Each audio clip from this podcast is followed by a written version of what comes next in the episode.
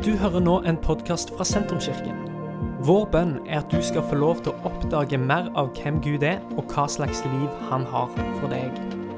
Mer informasjon om hvem vi er og hva som skjer i kirka, befinner du på sentrums.no og i sosiale medier. Eh, I vår tid så er det eh, forholdsvis eh, lett å glemme Gud. Eh, og det sier jeg som pastor, eh, som egentlig eh, burde gå og tenke på Gud hele dagen. Men, men min erfaring er det at til og med som pastor så kan det være lett å glemme Gud. For å ikke glemme av Gud i vår tid så er det viktig at vi ikke tror bare med hodet, men at troa vår sitter fast i vanene våre. At den sitter fast i valgene våre, i prioriteringene, i handlingene, i gjerningene våre. At vi har et liv som tror. Gjerninger som tror, vaner som tror. Eh, og eh, det å ta eh, livsvalg og daglige valg og prioriteringer basert på det at jeg tror på Jesus og er en etterfølger av han. Eh, og Derfor har etterfølgelse det er en stor overskrift for eh, denne våren og denne eh, ja, våren, altså dette halvåret. Inngangen av 2022. Fordi at vi tror ikke bare med hodet. Eller faktisk er det sånn at det vi tror med hodet, trenger å henge sammen med det vi gjør, og måten vi lever livet vårt på. Eh, og eh, da kan vi eh, Her kan vi gjøre to ting. Og Det ene er å gå i takt med kulturen, der kulturen har blitt forma av Jesu ord. Og det der er veldig mange ting i den norske kulturen som er forma av Jesu ord. Ta, ta, en ting som sannhet. Hvor viktig sannhet er i vår kultur. Hvor kommer det fra? Det kommer fra han som sier at 'jeg er veien, sannheten og livet', og som personifiserer sannheten. Eh, og Det å snakke sant, det å ikke lyge, det å ikke lure til altså Dette er viktig i vår kultur. Her kan vi gå i takt med vår egen kultur og følge Jesu ord. Bare vi trenger å vite at eh, jeg gjør ikke dette fordi kulturen min sier det, men fordi at eh, jeg følger Jesus. Og Så trenger vi av og til å gå i takt med en annen rytme fordi kulturen har gått sin egen vei. Eh, og det er utfordrende. For når en går eh, Dette er jo bare å se på f.eks. et eh, 17. mai-tog, eh, og så ser en et korps. Eh, og korpset alle sammen går til den samme rytmen. Da er det litt eh, plagsomt å være den som ikke har takt i det hele tatt, og som bare går helt etter sin egen rytme. Eh, eller som har noe på øret og som har en annen rytme som en går ser, altså, Du ser at du er i utakt med resten av det som skjer. Og eh, Norge er en vanvittig konforme kultur der vi går i takt med naboen og med alle de andre. Og Av og til så oppleves det litt ubehagelig å gå i utakt med eh, å gå i takt med en annen rytme fordi kulturen eh, har gått sin egen vei. Men det er det som skjer når en forankrer sitt liv i etterfølgelse av Jesus. Ikke gjør ting fordi det er populært, eller fordi en får krets fra kulturen, Derfor, Noen ganger så jeg reagerer ikke, for det er jo fint. Eh, men, men, noen ganger så kan en som kristen ha en tendens til å bli veldig opptatt av alle de tingene som Jesus sier, som applauderes. Fordi at Da kan en gjøre det, og så får en applaus fra kulturen rundt. Men at en ikke gjør det for å få krets fra kulturen, men ut ifra overbevisning og lydighet mot det som Jesus har sagt. I gamle dager så snakket en om kristenplikt. Plikt er jo et ord som, eh, som ikke høres så fint ut, så det, eh, vi skal ikke snakke veldig mye om det. Men eh, hva var denne kristenplikten? Det er det som en kristen var forventa å gjøre. Ikke det som jeg må gjøre for å bli en kristen, men kanskje det andre, det som jeg gjør fordi jeg er en kristen. Kanskje er det sånn at vi glemmer av og til å snakke om disse kristenpliktene fordi vi er så redd for at vi skal forme livet vårt på en sånn måte at det handler om alt det jeg må gjøre for å bli en kristen. Det handler ikke om hva du må gjøre for å bli en kristen, for alt det har allerede blitt gjort av Jesus, og du har blitt invitert inn. Det er dette som er nåde, det er dette som vi står på, det er dette som gjør at alle sammen er velkommen inn. Men det er det der neste greiene, det som jeg gjør fordi jeg er en kristen. Fordi at Jesus har sagt det, fordi jeg følger etter han, fordi jeg vil bli som han, fordi jeg er ikledd han, fordi jeg er i han. Og hva er de tingene som Jesus har spurt oss om å gjøre? Der disse tingene er i tråd med kulturen. La oss ikke forankre det i kulturen. Dette gjør jeg fordi jeg er norsk. Jeg snakker sant fordi jeg er nordmann. Eh, nei, jeg snakker sant fordi jeg er nettefølger av Jesus. Og eh,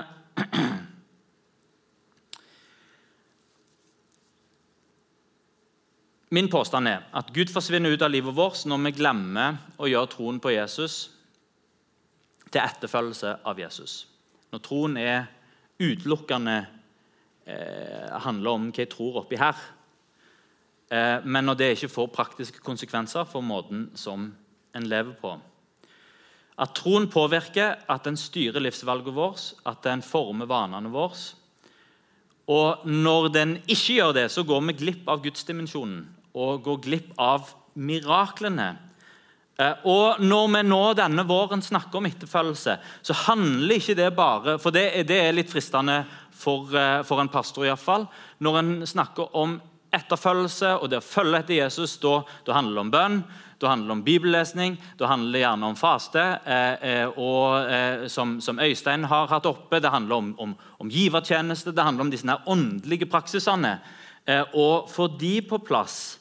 Men det handler òg om helt 100% praktiske ting, som bl.a. gjestfrihet. Og det er det jeg har lyst til å løfte fram. Og, eh, og eh, kanskje ut ifra den, den, introduksjonen med å gå i utakt med kulturen, så tenker jeg ja, da eh, Og så snakke om gjestfrihet. Eh, ja, hvis vi viser gjestfrihet, så går vi litt i utakt med vår egen kultur. Vi skal ta oss og lese fra 1. kongebok 17, vers, vers 7, eh, og eh, fram til og med vers 16. Eh, da det var gått ei tid, tørka bekken bort, for det kom ikke regn i landet. Gå straks av, til, av sted til Sarepta, som hører til Sidon. Eh, dette er profeten eh, Elia som det er snakk om. Og slå deg ned der. Jeg har befalt ei enke som bor der, å sørge for deg. Straks gikk Elia av sted til Sarepta og kom til byporten. Akkurat da var det ei enke der som sanka ved. Han ropte til henne og sa, Hent litt vann til meg i ei skål, så jeg får drikke. Da hun gikk for å hente det, så ropte han etter henne. Ta òg med et stykke brød til meg. Hun svarte, så sant Herren din Gud lever. Jeg eier ikke så mye som en brødleiv, bare en håndfull med mel i ei krukke og litt olje i mugga. Nå går jeg her og sanker et par vedpinner, og så vil jeg gå hjem og lage noe til meg og sønnen min. Når vi, eh, det, det, er ganske mørkt, dette. Når når vi har spist, eh, kan vi legge oss til å dø. Elias sa til henne, 'Vær ikke redd. Gå hjem og gjør som du har sagt.' Dette er ganske frimodig, faktisk. Eh, men bak først litt brød til meg av melet, og kom ut til meg med den. Så kan du lage noe til deg og sønnen din. For så sier Herren Israels Gud, melkrukka skal ikke bli tom, og den skal ikke mangle olje i mugga til den dagen kommer da Herren sender regn over jorda. Da gikk hun og gjorde som Elia hadde sagt, og både hun og han og hele hennes hus hadde mat i lang tid. Melkrukka ble ikke tom, og olja i mugga tok ikke slutt. Det gikk som Herren hadde sagt gjennom Elia. Bare et lite tips, siden vi snakker om mel og olje her. Eh, en tredjedel av all solsikkeolje i, eh, i, Europa produseres i Ukraina. Det samme gjelder, det gjelder korn. Så når det er krig i Ukraina, kanskje det kan være lurt å fylle opp kjelleren med litt mel og litt olje, sånn bare i tilfelle at en ikke har ei sareptakrukke som aldri går tom. Det var, bare, det var bonus ut der. Hva er bakgrunnen for denne teksten? Dette skjer i Israel. Eh, og Når du leser Gamle testamentet og du leser om Israel, så eh, kan du på en måte se for deg kartet av Israel. Så ser du den nordlige delen og den sørlige delen. Da vet du at Israel det er Nordriket. Da har, eh, har landet har blitt delt i to. så Det er Sørriket, som består av to stammer, Benjamin og Juda. Og så er det Nordriket, som består av ti stammer, eller fylker, eller hva en skal kalle de, som reiv seg løs, og som ville være selvstendige med egen konge. Eh, og Dette Nordriket kalles da for Israel, og det er her denne historien er henta fra. Hovedstaden Samaria eh, og hovedstaden i Sørriket det var Jerusalem. Og Profeten Elia og eh, profeten Elisha, som kom etter han, de virka begge i Israel, oppe i Nordriket. I Nordrike, disse ti stammene som løsrev seg og ville ha sin egen konge, der begynte folket ganske raskt. Det glemte Gud ganske fort. Sekulariseringen var rask i nord. Det er kanskje noe av det vi opplever her i Skandinavia igjen. At i nord så går sekulariseringen raskt. Eh, og de glemte Gud. Kanskje var det fordi avstanden til Jerusalem var stor.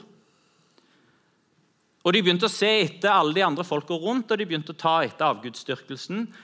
Um, og Gud plasseres på en måte vekk fra livets senter, og en plasserer seg sjøl, og noe annet får den plassen. Uh, og Frafallet fra Gud i nord det er stort, uh, og det blir refsa av profetene. Elia er blant de som, som, som, som refser frafallet, avgudsdyrkelsen, men ikke bare avgudsdyrkelsen, men frukten av han. Og så er det nesten ingen respons hos folket. Ørene er døve. Eh, profetene kan si akkurat hva de vil, men vi gidder ikke høre. Eh, kongen er, en, eh, er avgudsdyrker på speed. Det er Ahab og dronninga Jesabel som blir stående for ettertida som det erketypiske av eh, hedenskap og avgudsdyrkelse og forferdelige altså Det er en, en, en, moral som ikke ligner noen ting. Deres frafall kjente ingen grenser, og folket fulgte i deres fotspor. Og nesten hele Israel har latt seg rive med av eh, Ahab og Jesabel sin avgudsdyrkelse. Så er det en liten rest sier Bibelen, av eh, folket som ikke har, som ikke har falt på kne for avgudene, og som i stillhet, og kanskje òg litt skjult, fortsatt tilber Gud. Her er vi i en situasjon der eh, det er avgudene som er synlige. Gud er usynlige. Det er de, de populære og de kule de er avgudsdyrkere. Eh, og de marginaliserte og eh, usynlige de holder fast ved Gud fortsatt. Elia, som er på en måte den kanskje høyeste representanten for Gud, han har gjemt seg ute i ørkenen eh, og er der, og Det står at Gud matet han med kjøtt og brød fra, fra noen ravner. Han, han, han, har flykta vekk fra hele greiene. Og så er denne fattige enka som, eh, som da er en av de som ikke har bøyd seg for Bal, og som da i stillhet og i sin fattigdom fortsatt tilber Gud. Det er bakgrunnen for denne eh, fortellingen. Det første som vi kan få med oss, er at Gud er ingen forsikring mot katastrofe og død. Det er tørke i landet, eh, og pga. tørke er det dårlig med mat. Eh, det rammer den som tror, og det rammer den som ikke tror. Når et land er rammet av krig, av pandemi, av tørke, av naturkatastrofer og andre tilsvarende ting som ødelegger tilværelsen vår, og som skaper smerte og lidelse, da rammer lidelsen blindt. Den rammer den som tror, den som ikke tror, og den rammer den som tror. Og urettferdig som det kan virke, så rammer den av og til den som tror, mer enn den som ikke tror.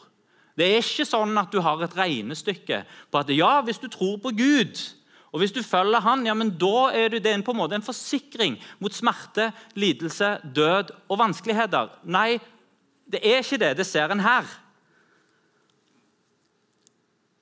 Tørken har definitivt ramma denne enka med sønnen. Og det ramma ei enke. Det, er alltid en, en, vond historie som skjuler seg bak det ordet enke. Eh, der er tap av en ektefelle. Kanskje har, hun òg mista andre barn, for det er bare ett barn igjen, en sønn. Enten det eller så har hun mista sin ektefelle ganske tidlig. De fikk bare et barn sammen. Eh, og her er det en sønn som har mista sin far. Eh, begge deler er tragisk. Og enka er ingen god, eh, i utgangspunktet ingen god posisjon, men på denne tida, med den samfunnsstrukturen, så er det uten ektefelle, uten far, eh, så er en hjelpeløse. Døden rammer blindt, og den rammer urettferdig. Og Det er ikke et argument mot Gud. Enker holder fast ved Gud til tross for uh, urettferdigheten i at hun har mista sin mann. Kanskje samtidig som at naboen er balstyrker og ikke har opplevd akkurat det, uh, det som hun har opplevd. Asaf spør i salmen Gud, hvorfor går det den ugudelige vel? Det er et spørsmål som en av og til kan spørre seg når ulykken rammer den som tror. Men den rammer blindt. Det neste som vi ser i denne teksten, her, er ei enke som er gjestfri med det som hun har. Så langt jeg kan se, så handler dette om Guds forsørgelse. At Gud sørger for Elia. Og Han sørger for Elia gjennom ei fattig enke. Men så snus dette på, eh, snus dette på samtidig Gud sørger også for den fattige enka og sønnen hennes. Hvordan? Eh, han gjør det gjennom gjestfrihet. Hvordan i alle dager skulle hun ut ifra sin situasjon gi fra det lille og ubetydelige som hun har?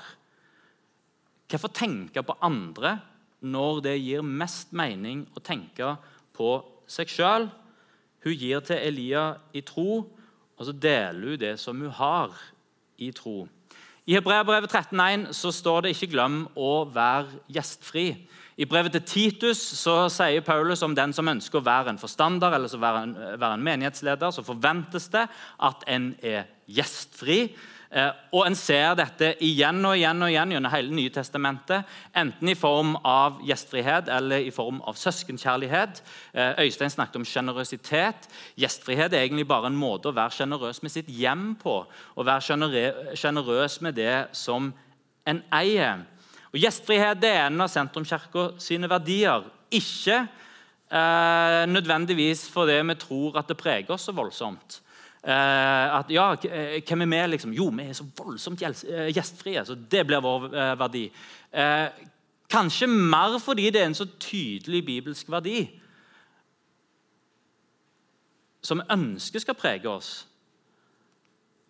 Det er en så tydelig verdi i Guds rike, og det ligger i evangeliet. Evangeliet er en invitasjon og Evangeliet det blir, eh, det blir sammenlignet med et bryllupsmåltid. Med et måltid som alle er invitert til.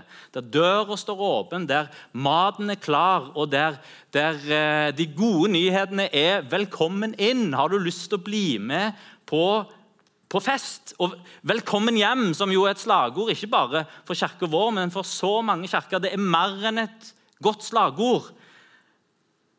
Det handler om evangeliet, egentlig. Du er elsket av Gud du er forsona med Gud, og du er invitert til hans bord. Jesus' sin død oppstandelse den åpner opp døra til Gud. og Alle er velkommen. Og Når vi trør inn i Hans rike, så kommer vi hjem der som vi hører hjemme. Derfor så er det den mest naturlige ting av verden for den som tror på evangeliet, å ta imot gjestfrihet og dermed kunne gi gjestfrihet videre å være gjestfri Jeg vil ta det nesten så langt som å si at det er en kristen plikt. Og det, er noe som følger i fotsporene av etterfølgelse av Jesus. Eh, men her snakker vi om å gå i takt med kulturen vår. Nei, det gjør vi ikke. Her snakker vi om å gå i utakt med vår kultur. Her snakker vi om å gå til en egen rytme som gjør at en kommer litt i utakt med omgivelsene. For det er, ikke, det er kanskje typisk norsk å være god, som Gro Harlem Brundtland så, eh, så, eh, så, så gjenkjennelig sa det på 90-tallet. Eh, men det er ikke typisk norsk å være gjestfri. Arnt Olav Klippenberg i Stavanger Aftenblad han, han, han skriver jo morsomt og ofte ganske sånn treffende nede fra Egersund. Det kan hende han skriver bare på vegne av den sørlige delen av Rogaland, men jeg tror vi kjenner oss igjen når han sier vi liker ikke turister, men vi liker å være turister. Det er Arnt Olav, Olav Klippenberg sin, sine ord. Vi kan gjerne dra til andre land og, og, og de er så fantastisk gjestfri. Og det er så kjekt å være i alle disse kulturene som er så gjestfri, og mat og oi, oi, oi. Men eh, når folk kommer som turister til oss, ah, nei, de kommer bare i bobilene sine og hiver søppelet. og vi er ikke interessert i noe annet enn pengene deres. Og hvis de ikke kommer med noe penger her, så, så er vi iallfall ikke interessert i å møte dette mennesket som kommer på besøk for å se på fjellene våre så stikker igjen. Eh, Arnt Olav Klippenberg han skriver i samme artikkel jeg husker et ord fra gamle dager. Gjestfrihet. Ordet er ikke lenger i bruk. Hva er det som stjeler gjestfriheten vår? Jeg tror travelhet stjeler gjestfriheten. Jeg har ikke overskudd til å invitere. Eh, den der perfeksjonistiske standarden det stjeler gjestfrihet. Det jeg har, er så lite. Jeg er flau over vårt hus. Jeg er ikke flink nok til å lage mat gleden eh, eh, over et måltid. Det, det, å gi til andre det, det, forsvinner når en er usikker på hvordan det blir tatt imot. Effektiviteten vår har gjort måltidet til noe som vi må bli ferdige med. få det spist. Eh, og en har knapt nok tid til å samles som familie rundt måltid. Da har en langt mindre tid til å invitere noen andre og så Min påstand at gjestfrihet kanskje har blitt ribba fra vår vestlige kultur. Ikke bare norsk kultur, men vestlig kultur, så forsvinner gjestfriheten den eh, forsvinner ut. Individualismen har ødelagt. Alle har nok med sitt. I den orientalske kulturen så er alt veldig mye mer kollektivt, og det sitter i folkesjelen. Det er en ære å ha gjester. Eh, jeg leste om et eh, stammefolk oppe i fjellene mellom, mellom Iran og Afghanistan. Eh, sånne som, som, har langt skjegg og, og, og bor oppe i fjellene og har geiter. Eh, og der var det, det, var to ting som var liksom Du skal hevne enhver udåd. Eh, derfor så hadde alle en Kalasjnikov liggende eller en sånn eh, K47 det, ja, Kalasjnikov liggende i kjelleren, sånn i tilfelle. Og så og så skal du ta imot enhver gjest. Så, så, eh, ja, så eh, best å komme som gjest eh, og, og, og, og, ikke oppføre seg dårlig. Gjestene skal ha det beste og vise gjestfrihet og rikdom istedenfor penger i banken. Hva kan jeg gjøre da? Jo, jeg kan invitere masse gjester. Jeg husker Vi hadde besøk hjemme hos mine foreldre av en indisk pastor som jeg ble kjent med når jeg var på misjonstur i India eh, når jeg var 20. Så besøkte han venner i Norge, som han, som, eh, og kom da eh, selvsagt hjem til mine foreldre. Og Han var så imponert over hvor stort hus det var. Og eh, Den umiddelbare liksom, responsen som bare ploppa ut av han når han kom inn i stua, som jo er stor, det var bare Wow! Hvis jeg hadde hatt så stort hus, da hadde jeg hatt mange gjester. Og det er akkurat det mine foreldre har gjort. by the way. Stort hus. La oss fylle huset med gjester. Uh, ja, og når han har stort hus, la oss ha mange gjester. Uh, nå vet jeg ikke om det blir lagd sånne skalaer, men om det skulle blitt gjort det, så tror jeg Norge scorer vanvittig lavt, eh, lavt på gjestfrihetsskalaen. Hvis du har kommet som innflytter til Norge, eh, ikke hold det mot oss nordmenn at vi ikke er gjestfrie. Vær så snill, ikke gjør det. Eh, hvorfor? Fordi det er, det, er det, det, sitter i ryggmargen av vår kultur. Og det er ikke så lett å komme ut av. Skal en komme ut av det, så må en gå, faktisk gå litt i utakt med kulturen rundt seg. Og det er ikke så lett. Um, Og så mang Det mangler jo kanskje noen til å demonstrere noe annet.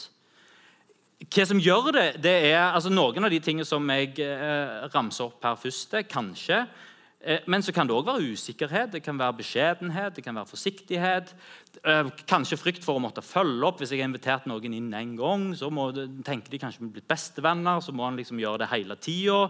Eh, eller som Julian Borrell, den kanadiske rakettforskeren, det er faktisk det han er, som er blitt en sånn utenlandsk ekspert på norsk kultur fra utsida, eh, sier at i andre land så kommer måltidet veldig raskt eh, i etableringen av en relasjon. Du treffer et menneske. Å, gå, 'La oss gå og spise sammen.' Og 'Kom hjem til meg.' Og så, eh, og, og så blir vi litt kjent så eh, sier han at eh, i den norske versjonen så blir måltidet og gjestfriheten det er et resultat av en etablert, fast, trygg relasjon som kanskje er blitt etablert over flere år.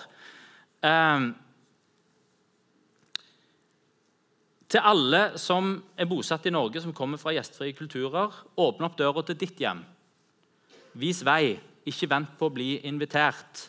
Jeg leste et herlig intervju med eh, ei fra Kverneland, Vinni Bregård. Hun er fra Sør-Sudan, egentlig, har gifta seg med en nordmann.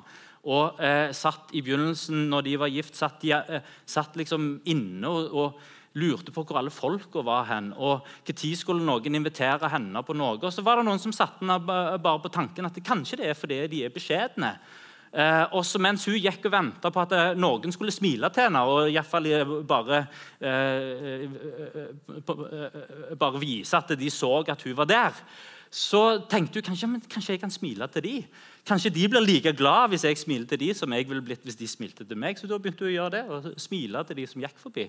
Eh, og til, sin, eh, til, sitt store sjokk så smilte de tilbake. Så begynte hun å hilse på folk. Hei, og, og, og, og da stoppet de opp, og så begynte hun å invitere folk hjem.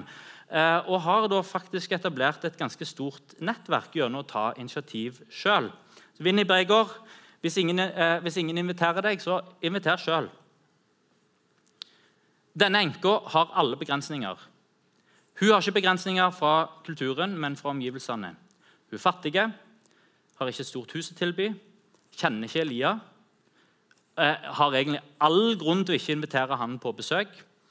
Hun har ikke nok mat til verken seg sjøl eller til sønnen. Det hun har, det trenger hun sjøl. Kanskje er det òg andre ting kulturelt. Kanskje er det ikke så greit for ei enke å invitere en mann på besøk. Kanskje ikke helt uproblematisk i forhold til sladrekjerringene i nabolaget. Og hun har andre planer. Hun har faktisk planlagt sin egen død og sin egen begravelse. Hun og sønnen skal dø. Det passer veldig dårlig med gjester eh, inn i det. Og så velger Gud å forsørge Elia gjennom denne enka, som tar det som hun har, olje og mel, og baker brød til seg sjøl og til sønnen og til gjesten. Jeg vet ikke hva det er som kanskje er begrensningen din. Sannsynligvis ikke at uh, du ikke har så mye mat men det kan være det er noen som kjenner på at ja, vi har ikke så mye midler. Og det vi har, er ikke så mye.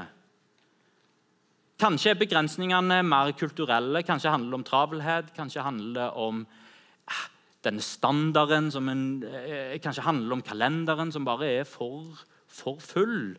Kanskje handler det om fokuset 'jeg har nok med meg og min familie'. Det vi kan lære av denne enka, ta utgangspunkt i det som du er, og ta utgangspunkt i det som du har, der du er, og tilby andre. Inviter andre inn på det som du har, og din familie har. Og Kanskje tenker du nei, jeg kan ikke invitere noen inn, for jeg har ikke en familie. det er bare meg. Nei, men Det, det er òg et fantastisk utgangspunkt for å kunne invitere andre. Hebreabrevet 13,1.: Vis gjestfrihet. Ikke glem gjestfriheten. Jesus sier Når han har flere tusen som ikke har mat, eh, så sier han til disiplene når de kommer og spør hvem skal gi dem mat, så sier han dere skal gi dem mat. Hvem er det du er gjestfri mot? Du er gjestfri mot din neste. Den som er rett ved sida av deg, den som er i nærheten av deg, den som du treffer på. Og Den tredje tingen som vi henter fra denne teksten, er at eh, Gud velsigne det som du tilbyr andre. For Gud dukker opp i en situasjon der Gud er vekke. Eller han er jo ikke det, men uh, det er avgudene og avgudsdyrkelsen og Ahab og Jesabel og alt det som de driver på med, det er det som er synlig i landet. Uh, profeten har, har, Den mest populære profeten har måttet uh, rømme ut i ødemarken. De som fortsatt tror på Gud og tilber Han, de er i stillhet og litt skjult i sine hjem og kanskje til og med litt redde. Gud ser usynlig ut. Og enka, som en av de som ikke har bøyd seg for Bal, som er fattige og som er ubetydelige og skal dø, så forsørger Gud mat for Elia på, på, på, på naturlig vis, og så forsørger han da enka på overnaturlig vis. Og Han gjør det ikke gjennom bønn. Han gjør det ikke gjennom bønn, faste og tilbedelse, men han gjør det gjennom gjestfrihet. At hun deler det som hun har, det som hun egentlig trenger sjøl, det som var svært svært begrensa. Så trosser hun det, og så deler hun ut og deler med seg ut ifra sine begrensninger. Og Kanskje er det denne historien Jesus har i tankene når han snakker om å ta imot en profet. I Matteus 10, 40-42 så står det den som tar imot dere, tar imot meg. Og den som tar imot meg, han tar imot han som har sendt meg. Den som tar imot en profet fordi han er en profet, han skal få en profets lønn. Og den som tar imot en rettferdig fordi han er rettferdig, skal få den rettferdiges lønn. Og den som gir en av disse små, om så bare et beger kaldt vann å drikke, fordi han er en disippel, sannelig, jeg sier dere, han skal slett ikke miste sin lønn. Og bandet kan komme opp og gjøre seg klar. Den fattige enka blir velsigna av besøket av den eh, kjente profeten. Når Jesus snur på det og sier at enkel gjestfrihet trenger ikke handle om en profet engang, men å gi bare et lite glass med vann til noen fordi han er en disippel, den skal ikke miste sin lønn. Vi har opplevd eh, to år med covid. Altså Hvis at det er noen av disse problemene med gjestfrihet i norsk kultur hvis de er til stede, så er det ikke akkurat sånn at to år med isolasjon og ikke treffe andre folk og steng deg inne hjemme. Det er ikke akkurat sånn at dette har hjulpet på. Eh, og, og, og, nå er det jo for mange av oss det er så lenge siden en har liksom hatt gjester at en nesten har glemt av at det går an. Eh, la ikke to år med covid eller norsk kultur eller perfeksjonisme eller dine begrensninger eller travelhet eller manglende ressurser eller hva det skulle være som putter disse begrensningene av at jeg har ingenting, jeg har ikke noe å gi, ingen har lyst til å komme på besøk til oss, ingen er interesserte i, i det. Legg det til side og vis gjestfrihet mot noen rundt deg. Velsignelsen ligger i det som du gjør for noen andre. Gud og Guds mirakel kommer til syne gjennom gjestfrihet og sjenerøsitet mot andre. Det ligger et mirakel gjemt i å invitere noen inn. Dette kan du huske på. Gud skjuler seg i besøket. Og noen ganger så kommer han fram gjennom besøket som du inviterer inn. Og Gud sørger for deg når du sørger for noen andre. Og så ligger det kanskje ikke så naturlig for oss. Og vet du hva? La, la det ikke være sånn med gjestfrihet. At det blir sånn ja, her har du liksom de ekstroverte som er gjestfrie og som elsker å ha folk rundt seg. Her, her har du de introverte som trekker seg for seg sjøl og, og som, det ikke, som, det ikke, passer for. La, la, oss finne ekstroverte måter å være gjestfri på og finne introverte måter å være gjestfri på. La oss finne hvordan en er gjestfri når kalenderen er åpen, og hvordan en er gjestfri når kalenderen er ganske pakka. Og så åpner en opp kalenderen sin, hjemmet sitt, kjøleskapet sitt og inviterer noen inn. Hvorfor? Ikke fordi at jeg er sånn personlighet, men fordi jeg er en etterfølger av Jesus og at det ligger i det å følge etter Han. Kan vi ta og reise oss, så skal vi lovsynge sammen?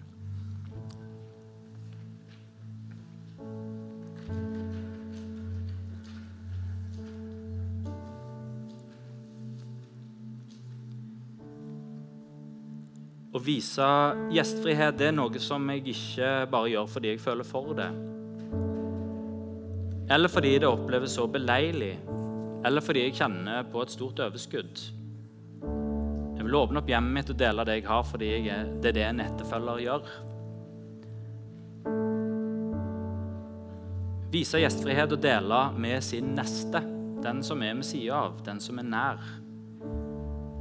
Og nå med lovsyng Jeg har lyst til at den responsen som vi kan tenke på i dag, kanskje ikke er det som skjer akkurat nå, men begynner å tenke på hvem kan jeg invitere neste uke på mat? Og dele det som jeg har. Hvordan kan jeg denne våren komme ut av isolasjonen etter covid og ta tilbake fellesskapet og fellesskapet rundt måltidet? Og så er det et, det er et lite løfte inn i denne teksten her om at i dette så kommer Gud til syne. Og kanskje ligger der et mirakel gjemt i det besøket og gjestfriheten som du viser. La oss lovsynge Jesus sammen. Dette er slutten på denne podkastepisoden. Har du spørsmål om Jesus, om tro, om livet, så er du hjertelig velkommen til å ta kontakt med oss via sentrums.no.